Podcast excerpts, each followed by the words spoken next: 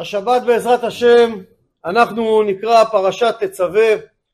המשך הפרשות שעוסקות במשכן יהיה לנו חמש פרשות כאלה היה לנו תרומה תצווה אחרי זה כי תישא עם חטא העגל באמצע ואחרי זה ויקל פקודי ויש שאלה שאלה גדולה קודם כל למה צריך כל כך הרבה לעסוק במשכן? ראינו פרשה קודמת דיברנו על מה הביאו למשכן לאן מה היה צריך לעשות עם כל החומרים שהביאו הפרשה הזאת היא תדבר בעיקר על הבגדים של הכהן הגדול והכהנים הרגילים ובסוף הפרשה יש גם התייחסות למזבח הקטורת שלא הוזכר בפרשת תרומה. אבל לפני הכל אנחנו צריכים להבין קצת את הרקע. אנחנו יודעים שבכלל למה צריך משכן? משכן בא מהמילה שכינה. ואנחנו יודעים שחטא האדם הראשון יצר פירוט גדול מאוד בעולם זאת אומרת התוכנית של הקדוש ברוך הוא במקור הייתה שהאדם הראשון יעשה את התיקון ובאותו רגע כל הבריאה תתקן ולא צריך בכלל אנושות, לא, לא בטוח שהיה צריך את כל מה שיש היום. אבל החטא שלו יצר פירוט בעולם והשכינה הסתלקה שבעה רקיעים והקדוש ברוך הוא מרגע שהופיע אברהם אבינו התחילה השכינה לרדת, כל דור הוריד אותה, רקיע אחד, אברהם, יצחק, יעקב, אחרי זה לוי, אחרי זה קהת, אחרי זה עמרם, ומשה רבנו השביעי הוא הוריד את השכינה פעם ראשונה חזרה לעולם הזה מאז חטא האדם הראשון ירדה על הר סיני. והנה אנחנו יודעים בני ישראל ירדו למצרים להזדכך וכשיצאו הם היו אמורים במעמד הר סיני למעשה להגיע, אכן הגיעו גם למעמד של האדם הראשון לפני החטא ואלמלא היה חטא העגל זהו זה, זה היה כבר פסגת השיא לא היה צריך בכלל משכן כל אחד מישראל היה הופך להיות משכן, כמו שנאמר ועשו לי מקדש ושכנתי בתוכם, הם היו המשכן. אבל חטא העגל החזיר את הפירוד לעולם. הוא החזיר את העולם למצב של האדם הראשון אחרי החטא. ועכשיו כתוצאה מהדבר הזה צריך משכן. והמשכן זה המקום שבו הקדוש ברוך הוא למעשה מגביר את שכינתו והוא מלווה את עם ישראל במסע שלהם. אנחנו רוצים להבין מה, מה זה נקרא ועשו לי מקדש. אדם צריך לקדש עצמו בכל מעשיו בעולם הזה, יהודי נדרש להיות מקדש. מה, מה זאת אומרת? לקחת את החומר ולהעלות אותו לדרגה של קדושה. איך העולם הזה הופך להיות קדושה? גם חומר, צריך להבין, יש לו דרגות שונות. למשל, כאשר אדם לוקח אור של בהמה ועושה מזה נעל או חגורה, האם יש בזה קדושה? לא. אין בזה קדושה, יש בזה חיות. כמו כל דבר, כמו כל אחד, יש בו מחיה, מחדש בטובו כל, כל יום תמיד מעשה בראשית, אבל אין בזה קדושה. אבל אם הוא לוקח את אותו אור של בהמה טהורה, ומכין ממנו קלף לספר תורה, וסופר, שכותב בטהרה את כל הספר תורה הזה, אז עכשיו מה עם האור הזה? יש בו, יש בו קדושה? יש בו קדושה, מה קרה? מה קרה? זה אותו אור של בהמה. למה אם הוא נהיה נעל אין בו חיות ואם הוא נהיה קלף של ספר תורה פתאום נהיה בו קדושה? כי באותו רגע שהוא הפך להיות קלף של ספר תורה הוא הפך להיות משכן של הקדוש ברוך הוא. הקדוש ברוך הוא יורד ושוכן בתוך הקלף הזה עכשיו בדרגה אחרת לגמרי. למה שאנחנו מגביהים את ספר התורה כולם ככה מתרגשים? למה אם אני אקח סתם ספר יגביה אותו ויסובב למה אף אחד לא יתרגש? האותיות יכולות להיות אותן אותיות בדיוק כי בקלף של הספר תורה יש דרגה של קדושה, הקדוש ברוך הוא שוכן שם. בגלל זה כולם מתרגשים, אפילו לא יודעים למה הם מתרגשים. רואים ספר תורה הולך, כולם רוצים לגעת, לנשק. מה יש לך לנשק? אור של בהמה? זה כמו לנשק אולי סנדל, חס ושלום? לא. כי בקלף הזה יש קדושה. זה נקרא שהקדוש ברוך הוא משכין שכינתו בעולם הזה בדברים מסוימים. אותו דבר יהודי. כאשר יהודי בוחר להתקדש בעולם הזה, ולהתקדש זה רק בדרך התורה, אז הקדוש ברוך הוא יורד ושוכן בתוכו. על זה נאמר ושכנתי בתוכם. אתה רוצה שהקדוש ברוך הוא ישכון בך? אתה צריך להתקדש. מה זה להתקדש? זה לצקת רוחניות בכל דבר בעולם הזה. הקדוש ברוך הוא איך הוא ברא את העולם? עשה יש, עשה יש מאין, נכון? לא היה כלום, ואז התחיל מאמרות, ויור, וירקיע, עשה יש מאין. מה אנחנו צריכים לעשות בעולם הזה? בדיוק הפוך. לקחת את היש ולהפוך אותו חזרה להיות עין. איך? לצקת רוחניות בכל דבר חומרי. אתה לוקח כוס מים, זה חומר. יש בזה קדושה? לא, כוס מים. אבל ברגע שאתה אומר ברוך אתה השם אלוקים ממך עולם שהכל נהיה מדברו, אתה באותו רגע הכנסת קדושה במים האלה. עכשיו המים עלו דרגה, ועכשיו אתה גם מכניס את זה פנימה, תחשוב מה הכנסת פנימה. מים שעברו תהליך של רוחני, שעלו לדרגה חדשה של קדושה. זה נקרא שכל יהודי צריך להתקדש בעולם הזה ולעשות מעצו משכן. אז אנחנו מבינים שיהודי בעולם הזה נדרש להתקדש, כל מצווה ומעשה טוב שעושה יהודי יוצר נקודת אור, יוצר שכינה בעולם הזה, יוצר נקודת, מה שנקרא נקודת אור שהשכינה רוצה לרדת בה. אני שמעתי פעם הסבר יפה למה אומרים קדיש על יהודי שנפטר. על גוי לא אומרים קדיש, נכון? אם אתה מסתכל על הנוסח של הקדיש, מה הקשר לנפטר? יתגדל ויתקדש מרבה. ועל מה דברה חיותי והמליך מחותי ויצמח מוקנה ויקרב משיחה אתה כאילו אתה מעלל את השם אתה אומר כוחך יגדל ויתקדש בעולם הזה מה הקשר לנפטר? אז יש קשר מה הקשר? הלוא היהודי הזה קיים מצוות כל פעם שהוא היה מקיים מצוות הוא יצר פה, הוריד, המשיך את הקדוש ברוך הוא לעולם הזה, יצר פה נקודות של קדושה בעולם הזה. עכשיו היהודי הזה הלך, כביכול נחסר בעולם הזה מהקדושה, כביכול יש פחות משכן לקדוש ברוך הוא בעולם הזה, אז אתה עכשיו אומר לקדוש ברוך הוא יתגדל ויתקדש מרבה, תחזיר את הקדושה שנלקחה מאיתנו, שהיהודי הזה עכשיו הלך, תגדיל את כוחך בעולם הזה שבראת כרצונך, תחזיר אותנו, תחזיר את מה שנלקח מאיתנו. ועל הדבר הזה אנחנו רואים שכל יהודי צריך לעשות מעצמו מקדש. ואנחנו יודעים שככה בסופו של דבר שיש קדושה בלבבות, יש קדושה גם בבית. מתי הקדוש ברוך הוא את הבתים שלו? שכבר לא היה קדושה בלבבות. אם בעם ישראל, אם עם ישראל לא עושים מעצמם משכן, איזה משמעות יש לבית המקדש? מה הקדוש ברוך הוא צריך שיהיה לו איזה בית, איזה בניין? לכל העולם שלו. אבל הבניין הזה, מה הוא בא לייצג? את החיבור בין העליונים לתחתונים. הבניין הזה שאנחנו עוסקים בו חמש פרשות, זה הנקודה, איך אומר אה, יעקב אבינו, מנורה המקום הזה, אין זה כי אם בית אלוקים וזה שער השמיים. זאת אומרת, מה זה המשכן? זה נקודת החיבור בין העולם הזה לעולם הרוחני. זה המקום שדרכו כל התפילות עולות, והמקום שדרכו כל השפע יורד לעם ישראל. אז כדי שהבניין הזה יהיה לו משמעות, כל אחד מעם ישראל צריך להתקדש, צריך לעשות מעצמו משכן. אם עם ישראל חוטאים, איזה משמעות יש לבית? למה צריך הקדוש ברוך הוא את הבית? שמה, שתוכלו להביא איזה פר ולנקות את המצפון? זה בשביל זה לא צרוך כי, כי, כי בבואכם לראות פניי מביקש עוד מכם רבוס חצריי אומר הנביא ישעיהו לא צריך כבר את הבית הזה עכשיו אנחנו נראה שכל המשכן למעשה זה חיבור כל חלקים של המשכן הם חיבור בין חומריות לרוחניות זה המהות של המשכן כל החלקים שלו מייצגים גם משהו בנו איברים בנו חלקים בנו והכוהנים שהם נבחרו מה לעשות לעשות את העבודה אנחנו נראה שבפרשה מדברים על הכהנים, על הבגדים המיוחדים שלהם. מה זה הכהן? הכהן הוא צינור. הוא הצינור שמחבר את היהודי בעבודה שהוא עושה שמה אל העולמות העליונים. צינור ורצון זה אותם אותיות. זאת אומרת, היהודי בא, יש לו רצון להתחבר לשם, להתקשר, הוא מביא קורבן מלשון קירוב והקרבה, ואומרים, מלמד שכהנים אוכלים ובעלים מתחפרים, והכהן בזה שהוא עושה את העבודה במשכן ואחרי זה בבית המקדש, בזה הוא מחבר את היהודי לעולמות העליונים. אתה בדרגה שלך לא יכול להתחבר לבד, צריך את הכהן שהוא יחבר אותך ויעשה את העבודה. ואנחנו נראה שבמשכן היו חלקים, נכון? החלק הכי חשוב במשכן מהו? ארון, ארון הברית, נכון? ארון הברית שהיה זהב בפנים, זהב בחוץ, עליו היה כפורת, מכסה מזהב, שני כרובים שוחחים בכנפיהם, ובפנים היו לוחות הברית, לוחות האבן, גם ספר תורה היה, יש אומרים בפנים, יש אומרים על איזה מדף בחוץ, בכל מקרה, מה זה אהרון? אהרון מייצג את הלב, הוא לב המשכן, הוא מייצג את הלב של היהודי, מה היה בתוכו?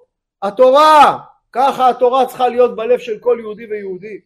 אנחנו יודעים שאדם צריך להיות כמו אהרון, זהב בפנים וזהב בחוץ, שיהיו מעשיו נעים כמו מחשבותיו.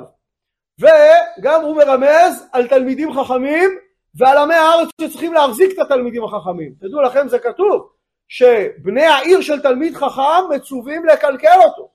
זה לא המצאה של היום, זה ככה כתוב, צריך לכלכל תלמיד חכם. למה? כי בזכותו העולם קיים. אם לא בריתי יומם ולילה חוקות שמיים וארץ לא שמתי. העולם לא קיים בזכות הסטארט-אפ שעשה איזה אקזיט. העולם קיים בזכות אלה שעוסקים בתורה ולומדים את התורה. רק מה לעשות זה עלמא דשיקרא, אז אנשים חושבים שזה הפוך. אבל האמת שהתורה היא מה שמחזיק את העולם, לא הכסף. הכסף בא, הכסף הולך. אז אנחנו יודעים שככה זה, תלמיד חכם הוא כמו הזהב, הזהב הוא רך. הוא לא יכול להחזיק את עצמו, כמו התלמיד חכם. בגלל זה בין השכבות של הזהב היה עץ. העץ הוא קשה, זה עם הארץ, הוא מחזיק את הזהב, ככה עם הארץ צריכים להחזיק את התלמידים החכמים. מה גם שהמוטות, הבדים, בדים זה מוטות, הם היו קבועים עם הארון בתוך קודש הקודשים. בניגוד לכל החלקים האחרים שהיו מוציאים את המוטות, רק במסעות היו מכניסים את המוטות של השולחן, את המוטות של מזבח הזהב, אבל את הארון המוטות לא יסורו ממנו. למה? כי זה מה שנושא את התורה, אותו דבר. בקודש הקודשים יש גם את לומדי התורה וגם אלה שמחזיקים את לומדי התורה הם יחד איתם בקודש הקודשים. אז זה הארון ואנחנו יודעים שעל הארון מלמעלה היו כרובים. כרוב אחד מקצה מזה וכרוב אחד מקצה מזה. והכרובים היה להם מבנה מיוחד, היה להם עוף, הגוף היה מבנה של כמו ציפור, כמו עוף, עם כנפיים ככה למעלה ששוחחות על הארון, אבל הפנים שלהם היו פנים של תינוקות, פני תינוק ופני תינוקת. והם היו מסתכלים זה לזה וגם אל הכפורת. הם היה להם מבט מיוחד. הם פניהם איש אל אחיו, אל הכפורת יהיו פני הכרובים. זאת אומרת, גם מסתכלים אחד על השני וגם על הכפורת. מה המונח בכרובים האלה? מה העניין הזה? אנחנו יודעים שהזכר והנקבה זה שני רצונות, הרצון לקבל והרצון להשפיע. האישה היא הרצון לקבל, נכון, כמו הירח, שה... מה זה הירח? הירח אין אור מעצמו, מי נותן לו אור לירח? השמש. השמש משפיעה על הירח והירח מאיר. ככה האישה, שהבעל משפיע על האישה, האישה זורחת, מאירה, ככה זה בית מתוקן. אז יש לנו את שני הכרובים, הזכר והנקבה. למה? כי זה רמז לשני היצרים שבלב האדם, אמרנו אהרון זה הלב, ש... ומאיפה היה הקדוש ברוך הוא מדבר עם משה? מבין שני הכרובים.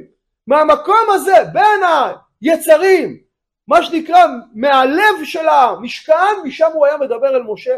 ככה הקדוש ברוך הוא מדבר עם כל יהודי ויהודי מתוך הלב שלו. בין היצרים, אומרים חז"ל שיצר הרע דומה לזבוב שיושב במפתחות הלב. למה הוא דומה לזבוב, אתם יודעים? כי זבוב, אתה מגרש אותו, מה הוא עושה? אתה מגרש אותו, מה הוא עושה? חוזר, הוא לא עוזב אותך, ככה זה היצר הרע. אז היצר הרע לא עוזב אותך, אבל אם התורה בלב שלך, אם, אם התורה אתה תשמע את הקדוש ברוך הוא מדבר אליך, מתדבר אליך. למה? כי הקדוש ברוך הוא מדבר עם כל יהודי. רק מה, לא כולם בדרגה לשמוע את הדיבור. הקדוש ברוך הוא מדבר איתך מתוך המציאות. בא מישהו אמר לך משהו, זה רמז, מישהו שימח אותך זה רמז, מישהו הציב אותך זה רמז, קיבלת דוח זה רמז, זכית במשהו זה, הכל זה הקדוש ברוך הוא מדבר איתך כחלק מהתיקון שלך בעולם. אז איפה הוא מדבר איתך? מבין מפתחות הלב, בין הכרובים. עכשיו, בתוך הארון היו הלוחות, אז כרוב אחד שוחח על הצד שבין אדם למקום, והכרוב השני שוחח על הצד שבין אדם לחברו. נכון? למה? להראות לך שזה שקול כנגד זה. שלא תגיד, לא, אני אדם טוב, אני אוהב את הקדוש ברוך בלב, מה צריך עכשיו שבת, תפילין, זה, לא צריך, חשוב להיות אדם טוב. יש כאלה אומרים ככה, נכון? נכון? אז אני אגלה לכם חדשות טובות, יש גם גויים טובים, גם נוצרים טובים, אנשי חסד מעולים, הם עדיין לא יהודים, הם עדיין לא מחויבים במצוות. אז זה חשוב באותה מידה לקיים את הצעד שבין אדם למקום. ויכול לבוא אחד אחר להגיד לא, אני עושה מה שצריך בין אדם למקום, שומר שבת, תפילין וזה, עזוב, לא, לא רוצה להתעסק עם יהודים אחרים, לא מעניין אותי זה, לא. אתה צריך גם להיות איש חסד, ואם יהודי צריך עזרה לעזור לו, ולהתגבר על מידת הכעס, ולא תשנא את אחיך בלבביך, ואהבת לרעך כמוך, זה שתבין שזה שקול כנגד זה, בגלל זה הכרובים הם אותו דבר, שוחחים ויש להם פני תינוק, למה? שבהבל פיהם של תינוקות של בית רבן העולם הזה מתקיים, אנחנו נראה בעוד מעט פורים, נכון? איך ניצלו? שמרדכי היהודי אסף 22 אלף תינוקות של בית רבן והם התפללו ולמדו תורה, זה, זה ביטל את הגזרה מעל עם ישראל. עכשיו, יש לנו גם את השולחן. השולחן הוא לא היה בקודש הקודשים, הוא היה בקודש פנימה בצד צפון, והוא מייצג את השפע של האדם, נכון? מה היה על השולחן? לחם הפנים. לחם זה שפע. הלחם הזה, למה פנים? הוא היה לו מפנה מיוחד ככה, זה מידה כנגד מידה, איך שאתה תתנהג עם השפע בעולם הזה, ככה השפע יזרום אליך. אז השולחן הוא גם חיבור של חומריות ורוחניות, נכון? הוא מייצג את השפע, ומיד נראה שמולו הייתה המנורה. המנורה היא מייצגת את הנשמה, את החלק הרוחני שבאדם, נכון? למה? היו מדליקים אותה במה? בשמן, שמן זית זך, כתית למאור, תכף נראה בזה מתחילה הפרשה. ואתה תצווה לבני ישראל ויקחו אליך שמן זית זך, כתית למאור. אז השמן זה אותיות נשמה, נכון? ולמנורה שבעה קנים כנגד שבעה הפתחים בראש של האדם, שאם אתה נותן למנורה כמו שאתה נותן לשמן זית זך כתית, למאור היא מאירה, ככה יהודי צריך להזין את כל הפתחים בראש שלו בדברים טהורים, להקפיד על הראייה, מה הוא רואה שהיא לא יראה מראות לא צנועים או מראות אלימים, להקפיד על השמיעה, לא לשמוע לשון הרע, הפה, להקפיד מה הוא מדבר, לא רכילות, לא חס ושלום לשון הרע, לא להלבין פנים של אף אחד, מה הוא מכניס, שיאכל כשר, בגלל זה גם לשולחן היה זר זהב סביב, למה? שמצד אחד יקפיד מה עולה על שולחנו, שיעשה גדר לשולחן, מצד שני שלא ייפול השפע מהשולחן. והמנורה כנגדו היא מייצגת, אמרנו, את הנשמה, וכתוב מקשה תעשה המנורה. למה מקשה? כי קשה לנשמה בעולם הזה. הנשמה ירדה לעולם הזה, קשה לה להיות פה. היא מן העליונים, זה לא המקום שלה. אבל כמו שהאור, הלהבות נאחזות בפתילות, מה קורה אם הלהבה תעזוב את הפתילה של הנר? היא תכבה, אבל תראו, הלהבה כל הזמן רוצה כביכול לעזוב את הנר, נכון? היא כל הזמן רוצה לעוף למעלה. שמתם לב לזה שכל הזמן האש רוצה כביכול להתנתק, אבל אם היא תתנתק מהפתילה היא תכבה, ככה נשמה, היא לא רוצה להיות בעולם הזה, אדם הוא כמו נר, הוא כמו נר, הגוף שלו זה הפתילה, הנשמה שלו זה הלהבה, והשעבה או השמן זה המעשים הטובים שלו והמצוות שהוא מקיים. אז הנשמה בוערת על המצוות ועל המעשים הטובים, ואם היא תתנתק, הבן אדם זיכרונו לברכה, אז הגוף מלשון מגוף מחזיק אותה בעולם הזה את הנשמה. כך הפתילות נאחזות במנורה ובעולם הזה. אחר כך יש לנו את הכיור, כיור הנחושת. כיור הנחושת הוא מייצג את הטהרה, הוא היה נמצא מחוץ למשכן, בחצר, מצד שמאל בכניסה, ושם היו הכהנים מתארים ידיים ורגליים, יד ורגל, יד ורגל ביחד. ובכיור הזה, שהוא היה עשוי מנחושת, מאיפה הגיע הנחושת לכיור הזה? מהמראות הצובות, המראות אותן מראות שהנשים הצדקניות במצרים, שהייתה גזירת פרעה, שלמעשה אה, שהבעלים יעבדו עבודת פרך ולא יהיה להם כוח להתייחד עם הנשים כדי להגביל את הילודה בעם ישראל, כן ירבה, אמר הקדוש ברוך הוא כן ירבה. מה היו עושות הנשים? הבעל היה חוזר מותש סוף היום, לוקחות את המראות האלה, פעם לא היה ראי כמו של היום, היו לוקחים נחושת, ממרקים אותה עד שהיא הייתה נהיית כמו מראה. היו שמות את המראה, מחבקות את הבעל ובוא תראה כמה אנחנו יפים ביחד. והיה רואה את, אותו ואת אשתו במראה ומתעורר והיו מעמידות צבאות בעם ישראל, בגלל זה נקרא המראות הצובות שהעמידו איתם צבאות והביאו אותם למקדש, אומרים למה צבאות? שהיו צובעות על המקדש, באות עם המראות למקדש ומשה רבנו לא רצה לא רצה לקבל אותם. למה? כי מה מראה? מראה נעשית ליצר הרע.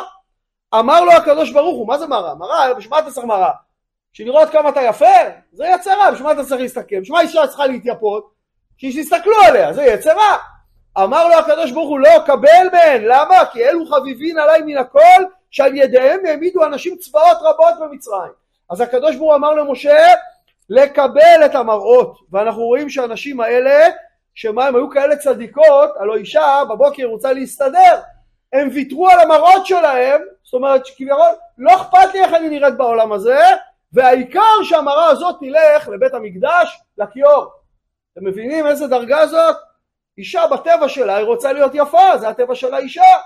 אז היא רוצה להסתדר בבוקר לשים את הפסים בעיניים בזה אבל תדעו לכם, מצד צניעות, אישה צריכה להיות יפה רק לבעלה. עכשיו, אם אישה דואגת להתייפות שהיא יוצאת החוצה יותר מדי, אני לא אומר שהיא צריכה, חס ושלום, צריכה לא להיראות אה, לא מטופחת, אבל יותר מדי, מה קורה? מסתכלים עליה גברים. מה זה צניעות? צניעות זה לא מה את לובשת. צניעות זה האם את גורמת לגברים להסתכל עלייך או לא להסתכל עלייך. את יכולה להיות לבושה מכף רגל עד כל הגוף לבושה, אבל כולם מסתכלים עלייך כי זה צמוד וזה, זה לא צנוע. צנוע זה שלא לגרום לגברים להסתכל עלייך. אז אישה שמוותרת על המראה שלה, זה אישה צדיקה. היא אומרת, אני, אני חשוב לי, ומה היו עושים עם הכיור הזה?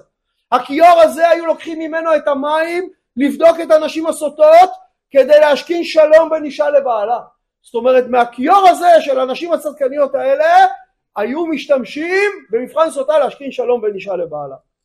אחרי זה יש לנו את מזבח העולה. מה זה מזבח העולה? זה היה מזבח הנחושת. הוא היה בחוץ, מכוון כנגד הפתח של המשכן, והוא היה עשוי במשכן מנחושת, לוחות נחושת, שהיו ממלאים אותם בעפר. וזה ככה, במזבח, מה שנקרא, בבית עולמים, שהייתה בית המקדש, הוא כבר היה עשוי מאבנים. והיה לו כבש והיו עולים, אבל פה הוא לא היה גבוה. הוא היה כתוב מהגובה שלוש אמות, לא היה גבוה, הכהנים היו ניגשים. והכיור הזה, המזבח הנחושת, מה הוא מייצג? מה היו עושים עליו? קורבנות. הוא מייצג את ההקרבה של האדם. איך ההקרבה? האדם מביא קורבן, קורבן זה חומר. אבל הקורבן הזה שם אותו ולריח ניחוח אישה להשם. זאת אומרת, אתה מביא חומר, אבל החומר הזה הופך לאנרגיה. זה חיבור בין חומרי לרוחני. זאת אומרת, הרצון שלך בזה שאתה מביא את הקורבן, ואתה רואה גם מה עושים לו, וגם אתה, מה שנקרא, זה עולה לך כסף, אתה משתתף, בזה אתה מביע את הנכונות שלך ואת הרצון שלך לקבל כפרה ולהתקשר לקדוש ברוך הוא. והיה לנו בתוכו גם את מזבח הזהב, כאשר מזבח הזהב מייצג את העבודה הפנימית של האדם, זה אף אחד לא רואה, מה זה עבודה פנימית?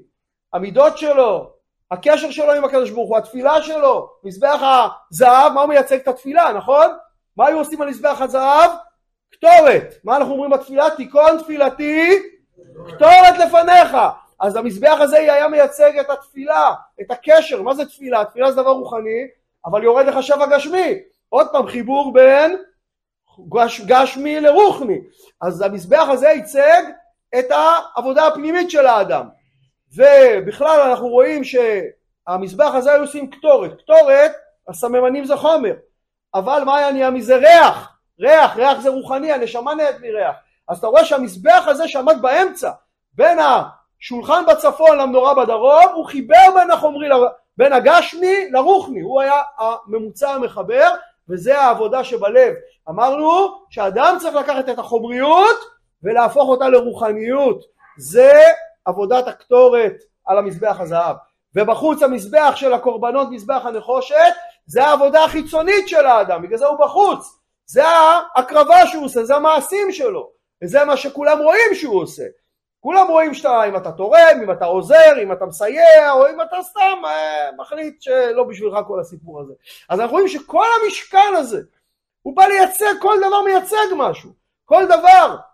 מה הוא בא לעשות? לחבר את העולם הזה עם העולם הרוחני, לתת מקום ליהודי להתקשר עם הקדוש ברוך הוא. המשכן הזה הוא לא היה דבר סתמי. הוא היה המקום שדרכו כל יהודי בכל רגע נתון, היה בלב המחנה, יכול לשאת את עיניו ולדעת שיש תקנה, שיש תשובה, שגם אם קלקלת, לעולם מה שנקרא אין ייאוש בעולם כלל. כל עוד הנר דולק, אמר רבי יהודה, רבי ישראל מסלן, כל הנר דולק, הנשמה בגוף, אפשר לתקן. זה המשמעות של המשכן. עכשיו, אנחנו רוצים להבין, אנחנו יודעים שבמשכן היו שלושה כתרים, נכון? היה לנו כתר כהונה, כתר מלכות וכתר תורה. כתר כהונה מייצג אותו מזבח הזהב. למה? כי היה לו זר זהב והמזבח הזה רק הכהן היה משתמש בו. שם את הקטורת, נכון? פעמיים ביום שם את הקטורת על המזבח אה, והמזבח הזה מייצג את כתר הכהונה. והיה לנו כתר מלכות, את זה מייצג השולחן, גם לא היה זר כתר למה? כי אמרנו השולחן זה שפע, ומלך מייצג את השפע, את החומריות. מה תפקידו של מלך? כהן הוא המנהיג הרוחני של העם, מלך הוא המנהיג הגשמי של העם. ענייני המלכות, ענייני הכלכלה של המדינה, הצבא. אז אלה שני הכתרים, והיה גם כתר תורה, כי גם לאהרון היה זר זהב סביב, וזה היה הכתר הפנימי. ותמיד שואלים ושואלים, איזה כתר הכי גדול? איזה כתר הכי גדול? כתר מלכות, כתר כהונה, כתר תורה. אז כתר מלכות זה רק אם אבא שלך מלך אתה יכול להיות מלך. וכתר כהונה, רק אם אבא שלך כהן אתה יכול להיות כהן. אבל כתר תורה תורה מונחת בקרן זווית, כל הרוצה לבוא ליטול יבוא וייטול. זאת אומרת תורה אינה ירושה לך, זה גם אם אבא שלך היה אדמו"ר, זה לא עושה אותך אדמו"רצ'יק, זה עושה אותך מקסימום אחד שיש לו זמן ללמוד יותר. אתה חייב להתייגע בתורה, תורה קונים בעמל, בגלל זה אומרים לנו שכתר תורה עולה על כולם, שאפילו ממזר תלמיד חכם, אחד נולד ממזר, כביכול אין, אין לו תקנה, אבל הוא התייגע בתורה נהיה תלמיד חכם, קודם לכהן גדול עם הארץ, שמה? שאפילו אם הוא כהן גדול ונכנס לפני ולפנים ביום הכיפורים, עדיין מי שגדול ממנו בתורה, גדול ממנו, בגלל זה אומרים על התורה יקרה היא מפנינים, שמה? שיותר מ... אפילו מכהן גדול שנכנס לפני ולפנים ביום הכיפורים. עכשיו כתוב ככה, ואתה תצווה את בני ישראל ויקחו אליך שמן זית זך, כתית למאור לעלות נר תמיד. ואנחנו רוצים להבין עניין אחד גדול ביותר. ראינו פרשה קודמת שזהב, כסף ונחושת, אומר הקדוש ברוך הוא כל אשר יתבנו ליבו. אתה רוצה להביא זהב, אתה לא חייב, כל אשר יתבנו ליבו. בא לך להתנדב להביא זהב למשכן, ברוך הבא. אתה לא רוצה להביא זהב, אל תביא. אבל כשמדברים על השמן למנורה, ואתה תצווה את בני ישראל, זה כבר בא בציווי, ציווי זה לא רשות, ציווי זה חובה. איך יכול להיות שזהב זה רשות ושמן זה חובה? וכדי להבין את הדבר הזה, אנחנו ניתן דוגמה. זה מה שנקרא, יש בית כנסת, והבית כנסת רוצה שמישהו יתרום נברשת, משהו גדול, בית כנסת גדול עם נברשת מרכזית, עשרת אלפים שקל נברשת, קריסטלי, משהו יפה, אז יושב שם איזה בחורצ'יק, איזה חיים, אומר לעצמו, נו, עשרת אלפים שקל זה הרבה כסף, אבל זה הנברשת המרכזית, זה נעשה פתק לעילוי נשמת אבא, זה יהיה שם שנים, כולם יעריכו את זה, כל פעם שאני אבוא יהיה לי הרחבת הלב, אני, אני, אני תרמתי הנברשת המרכזית, אז אומר אני מוכן לתרום את הנברשת, וכולם אומרים כל הכבוד, יישר כוח, ובאמת הוא תורם את הנברשת, ושנים הוא נהנה מהנברשת. בסדר גמור, יפה מאוד. אבל בוא ניקח סיטואציה אחרת. הגבאי בא יום אחד לחיים, ואומר לו, תקשיב חיים, יש חוב חשמל לבית הכנסת עשרת אלפים שקל. אולי תסגור את החוב, מה אתה אומר? חיים אומר, חוב חשמל? עשרת אלפים שקל? מה? מה אני אעשה עם זה? מי יזכור את זה? מי יגיד לי יישר כוח? אולי הגבאי פעם אחת? חודש הבא יהיה עוד פעם חוב חשמל. מה? מי יזכור את זה עוד שנה, שנתיים, שחיים סגר איזה חוב חשמל פה בבית כנסת? אולי חברת חשמל ישלחו לי פתק יישר כוח. איפה אני עושה את זה? אז זה מתכווץ הלב, לא בא לו. זה בדיוק העניין, אומרים לנו חז"ל, תקשיבו טוב, גדול המצווה ועושה, מהלא מצווה ועושה. זהב כולם רוצים לתרום למשכן. אתה תספר לילדים, לנכדים, אני נתתי זהב, זה עכשיו נמצא במנורה, בארון הקודש, בשולחן. אני חלק מהמשכן. אבל שמן זה חשמל, מה זה שמן? זה החשמל של בית המקדש, שמן לא רוצים לתת, היום זה יישרף, מחר צריך כבר עוד הפעם. אומר הקדוש ברוך הוא, זהב כל אשר ידבנו ליבו, מי שרוצה להביא נברשת, איך אומרים, יישר כוח, אבל זה, זה עליך. אבל חשמל, זה אתה תצווה בני ישראל. זה לא רשות, זה חובה. מה אנחנו לומדים מהדבר הזה, תדעו לכם. לא סתם אומרים גדול המצווה והעושה. זה לפעמים אנשים אומרים רגע מה זה, מה, מה יותר גדול אחד שמצווים אותו או אחד שעושה למרות שלא ציוו אותו? לכאורה אתה אומר לא ציוו אותו ועושה? איזה מעלה. לא, לא לא לא לא לא לא לא. אחד עולה במדרגות השכנה אומרת לו אוי כפרה איזה מזל שבאת אני אלמנה בוא תחליף לי מנורה. הוא מתמלא בגאווה בטח אני אעזור לשכנה האלמנה איזה מצווה גדולה אני אעשה. בא מחליף את המנורה יוצא החוצה כולו תענוג באה הביתה אשתו אומרת לו, או, oh, טוב שבאת, נשרפה לי המנורה במטבח. אומר לה, בסדר, בסדר, רגע, מה רק נכנסתי? תני לנשום, תני לאכול. היא אומרת, אבל המנורה, הוא אומר, טוב, אמרתי פעם אחת, לא צריך להזכיר לי כל חצי שנה. מה קרה? אה, למה? השכנה הוא לא חייב, אשתו הוא מצווה. גדול המצווה ועושה, מי שלא מצווה ועושה. שהמצווה, היצר הרע יותר גדל. בגלל זה הקדוש ברוך הוא אומר, ואתה תצווה בני ישראל, ויקחו אליך שמן זית. בעזרת השם שנזכה לעשות מה שצריך ויבוא משיח צדקנו במהרה בימינו אמן ואמן ברוכים תהיו